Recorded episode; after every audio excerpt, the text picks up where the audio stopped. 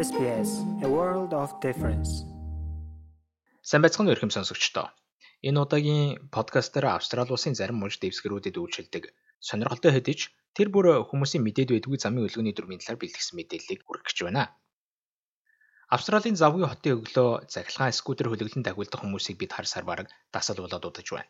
Гэвч энэ нь зарим хотуудад хориотой гэдгийг тэр бүр хүмүүс мэддэггүй гин.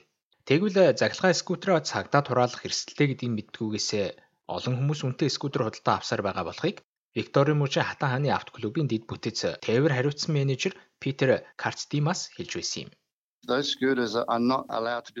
Хэрэг тухайн скутер нь 200 ваттын хүчин чадал бүхий 10 км/цагийн дэд хурдны хязгаартай биш л бол бусдаар зам дээр унахыг хуулиар хариулдаг. Өөрөөр хэлбэл бидний харж байгаачлан хүмүүсийн унаад байгаа скутерүүд бол хууль бус гэсэн.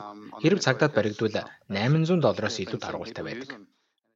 Үүнээс гадна Мельбурн хотод жолоо барьж байгаагүй хүмүүсийн хувьд hook turn буюу дэгийн эргэлтийг хийнэ гэдэг толгойрмаар санагдаг болохыг Питер хэлж байсан юм. Тодорхойлбол энэхүү өвөрмөц эргэлтийн гол зорилго нь тарамбай хөдөлгөөнд саад учруулахгүй байхын тулд энэхүү зүүн захаасаа баруун тийш ширэгдэг явдал гин. Хэрв та Мельбурн хотын төвийн дүүргээр явж байхдаа зүүнээс баруун эргэх эсвэл дэгийн эргэлт хийх тэмдэглэгийг олж харвал уулзурт нэвтрэмэгцээ хамгийн зүүн захын игнэнд байр эзлэн зогсоход болох юм. Улмаар өөрийн эргэх чиглэлийн гэрлэн дохиог хүлээж байгаад ногоон гэрэл асмагц баруун эргэх эсвэл чигээрээ явах хөдөлгөөнөө өргөжлүүлэх болно. Үүнийг л дэгийн эргэлт гэж хэлээд байгаа юм. Үүнд таны бодож байгаа шиг тийм хэцүү зүйл байхгүй. Харин тэгвэл шинэ өмнөд Вэс муж бол Австрали улсын хэмжээнд хамгийн хачирхалтай замын хөдөлгөөний дүрмтэй муж гэдгийг мэрэгжлийн жолооны багш бөгөөд Австралийн Top Gear нэвтрүүлгийн хөтлөгч асан Стив Пизати хэлж байсан юм.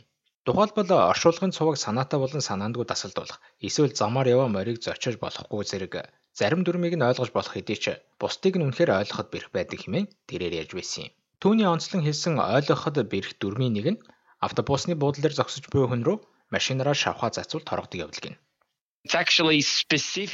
Бүр тухайн дүрмэнд шавхаа болон автобусны буудлал гэдгийг тодорхой заагаад өгчихсөн байна. Тэгвэл автобусны буудлал дээр байгаа хүн рүү шавхаа биш, ус зарцвал яагуулж байна. Эсвэл автобусны буудлаас өөр газар хүн рүү шавхаа зарцвал зүгээр гэсэн үг болж байна. Автобусны буудлал дээр шавхаа зарцах нь хууль бус гэд үгчлээ заажчихсан байгаа тэр дүрмэнд. Харин энэ торгуулийг авсан бол их л их хүчин чармаалт гаргаж торгуулжтэй л гэж хэлэхээр байна. Шинэ өмнөд Уэльсийн э, явган зорчигчтой холбоотой бас нэгэн хачирхалтай дүрмийг Стив олсноо мөн хуваалцсан юм. Шинэ өмнөд Уэльсийн бас нэг таалагддаг дүрм бий. Гэхдээ энэ нь автомашины хөдөлгөөнийх биш, явган зорчигчтой холбоотой дүрм л дээ. Тэр нь юу гэж байдаг вэ гэхээр хэрв та авто замаар хөндлөн гарахдаа хурдан арахгүй бол торгоныж байгаа. 66 долларын торгуультай. Тэгтэл та хөлөө гимтээчгээд маш удаан алхаж байвал яах болж байна? Бусдад төвөг учруулсан гэл торгуулах юм байна л да. Хэрэв та дасманаар аялахдаа машинаар явах бодолтой байгаа бол утасныхын GPS-ийг бус зориулалтын навигацийн төхөөрөмж ашиглахгүй бол торгуулах болно шүү гэдгийг мөн Стив анхааруулсан юм.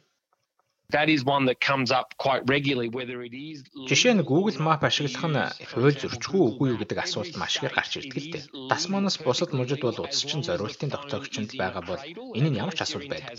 Харин дасманд харин тийм биш. Хэрэв та тэнд аялж байхдаа утасны Google Map ашиглавал багагүй хэмжээний торгууль унах болно. Харин тэгвэл Камберад аюулгүй тойргоор чигээрээ гарах тохиолдолд аюулгүй тойргийн төгсгөл заавал зүүн тийш эргэх тохиогоо өгч гарч байхгүй бол торгуулах эрсдэлтэй гин. Аюулгүй тойрогтой холбоотой хөгжөлтэй дүрмүүд олон байдаг л да. Тэдгээрээс хамгийн их сонирхол татдаг нь Камбери хотынх юм.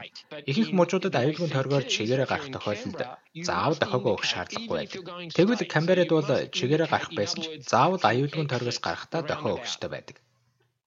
Үүнээс гадна зорчих хөдөлгөөний хурдны хязгаар нь өндөр зам дээр албаар удаан явбал мөн торгуулдаг гэдгийг Питер хэлж байсан юм. Мөн тэрээр ундаг дугуйтай холбоотой нийтлэг буруу ойлголт байгаад байгааг онцолж байлаа. Тухайн автозам нь тусдаа ундаг дугуйн замтай бол дугуйтай хүмүүс заав түгээр явах ёстой гэж хүмүүс буруу ойлгоод байдаг л да. Гэтэл дугуйтай хүмүүс автозамаар явхад ямар ч дөрвийн бус зүйл байхгүй. Харин хүмүүс хажууд нь зэрэгцэж явхаар дуут дохио өгч өөрсдөө хууль зөрчөөд байдаг. Бүр цаашилбал Викторийн мужид дугуйтай хүмүүс автозамын уулзвар дээр дэгийн эргэлт хийхийг ч зөвшөөрдөг юм шүү дээ. Мөн түнчлэн дуут дохио өгөх, гэрэл анивчуулах нь хууль бус байдагтай адил бүх муж нутаг дэвсгэрийн хэмжээнд машин барьж явахдаа гараа цонхоороо гаргах, гараа даллах нь хууль бус гэдгийг Стив мөн хэлж байлаа. Дуу тохиог зөвхөн зам дээр байгаа зэрлэг амтан гүргэх эсвэл үүнтэй адил өстэй тохиолдлууд л хэрэглэх ёстой байдаг. Тэгвэл хүнтэй мэдлж гараа даллах нь техникийн талаас хууль бус гэдэг хөгжилтэй зүйл л дээ. Гэрлэн анивчуулах нь ч бас тэр. Зөвхөн бусдыг гүйцэд төрүүлэх тохиолдолд холын гэрлэн анивчуулахыг зөвшөөрдөг нь нийтдээ. Үүнтэй холбоотой бас нэг юм хэлэхэд ихэнх мужид хин нэгэн таныг гүйцэд төрүүлж байх үед хурдаа нэмэх нь хууль бус үйлдэл тооцогддог шүү. Хэрв та Австралийн муж нутаг дэвсгэрүүдийн авт замын дүрмтэй дийлгэрэнгүү танилцахыг хүсвэл үндэсний авт тээврийн комиссийн захим хуудасаар зочлоорой. Австрали улсад амьдарч эхлэх гэж байна уу? Хэрэгтэй мэдээллийг SBS.com.cg юу? Урагшаа зураас Mongolian хуудасаас хүлээн авах нь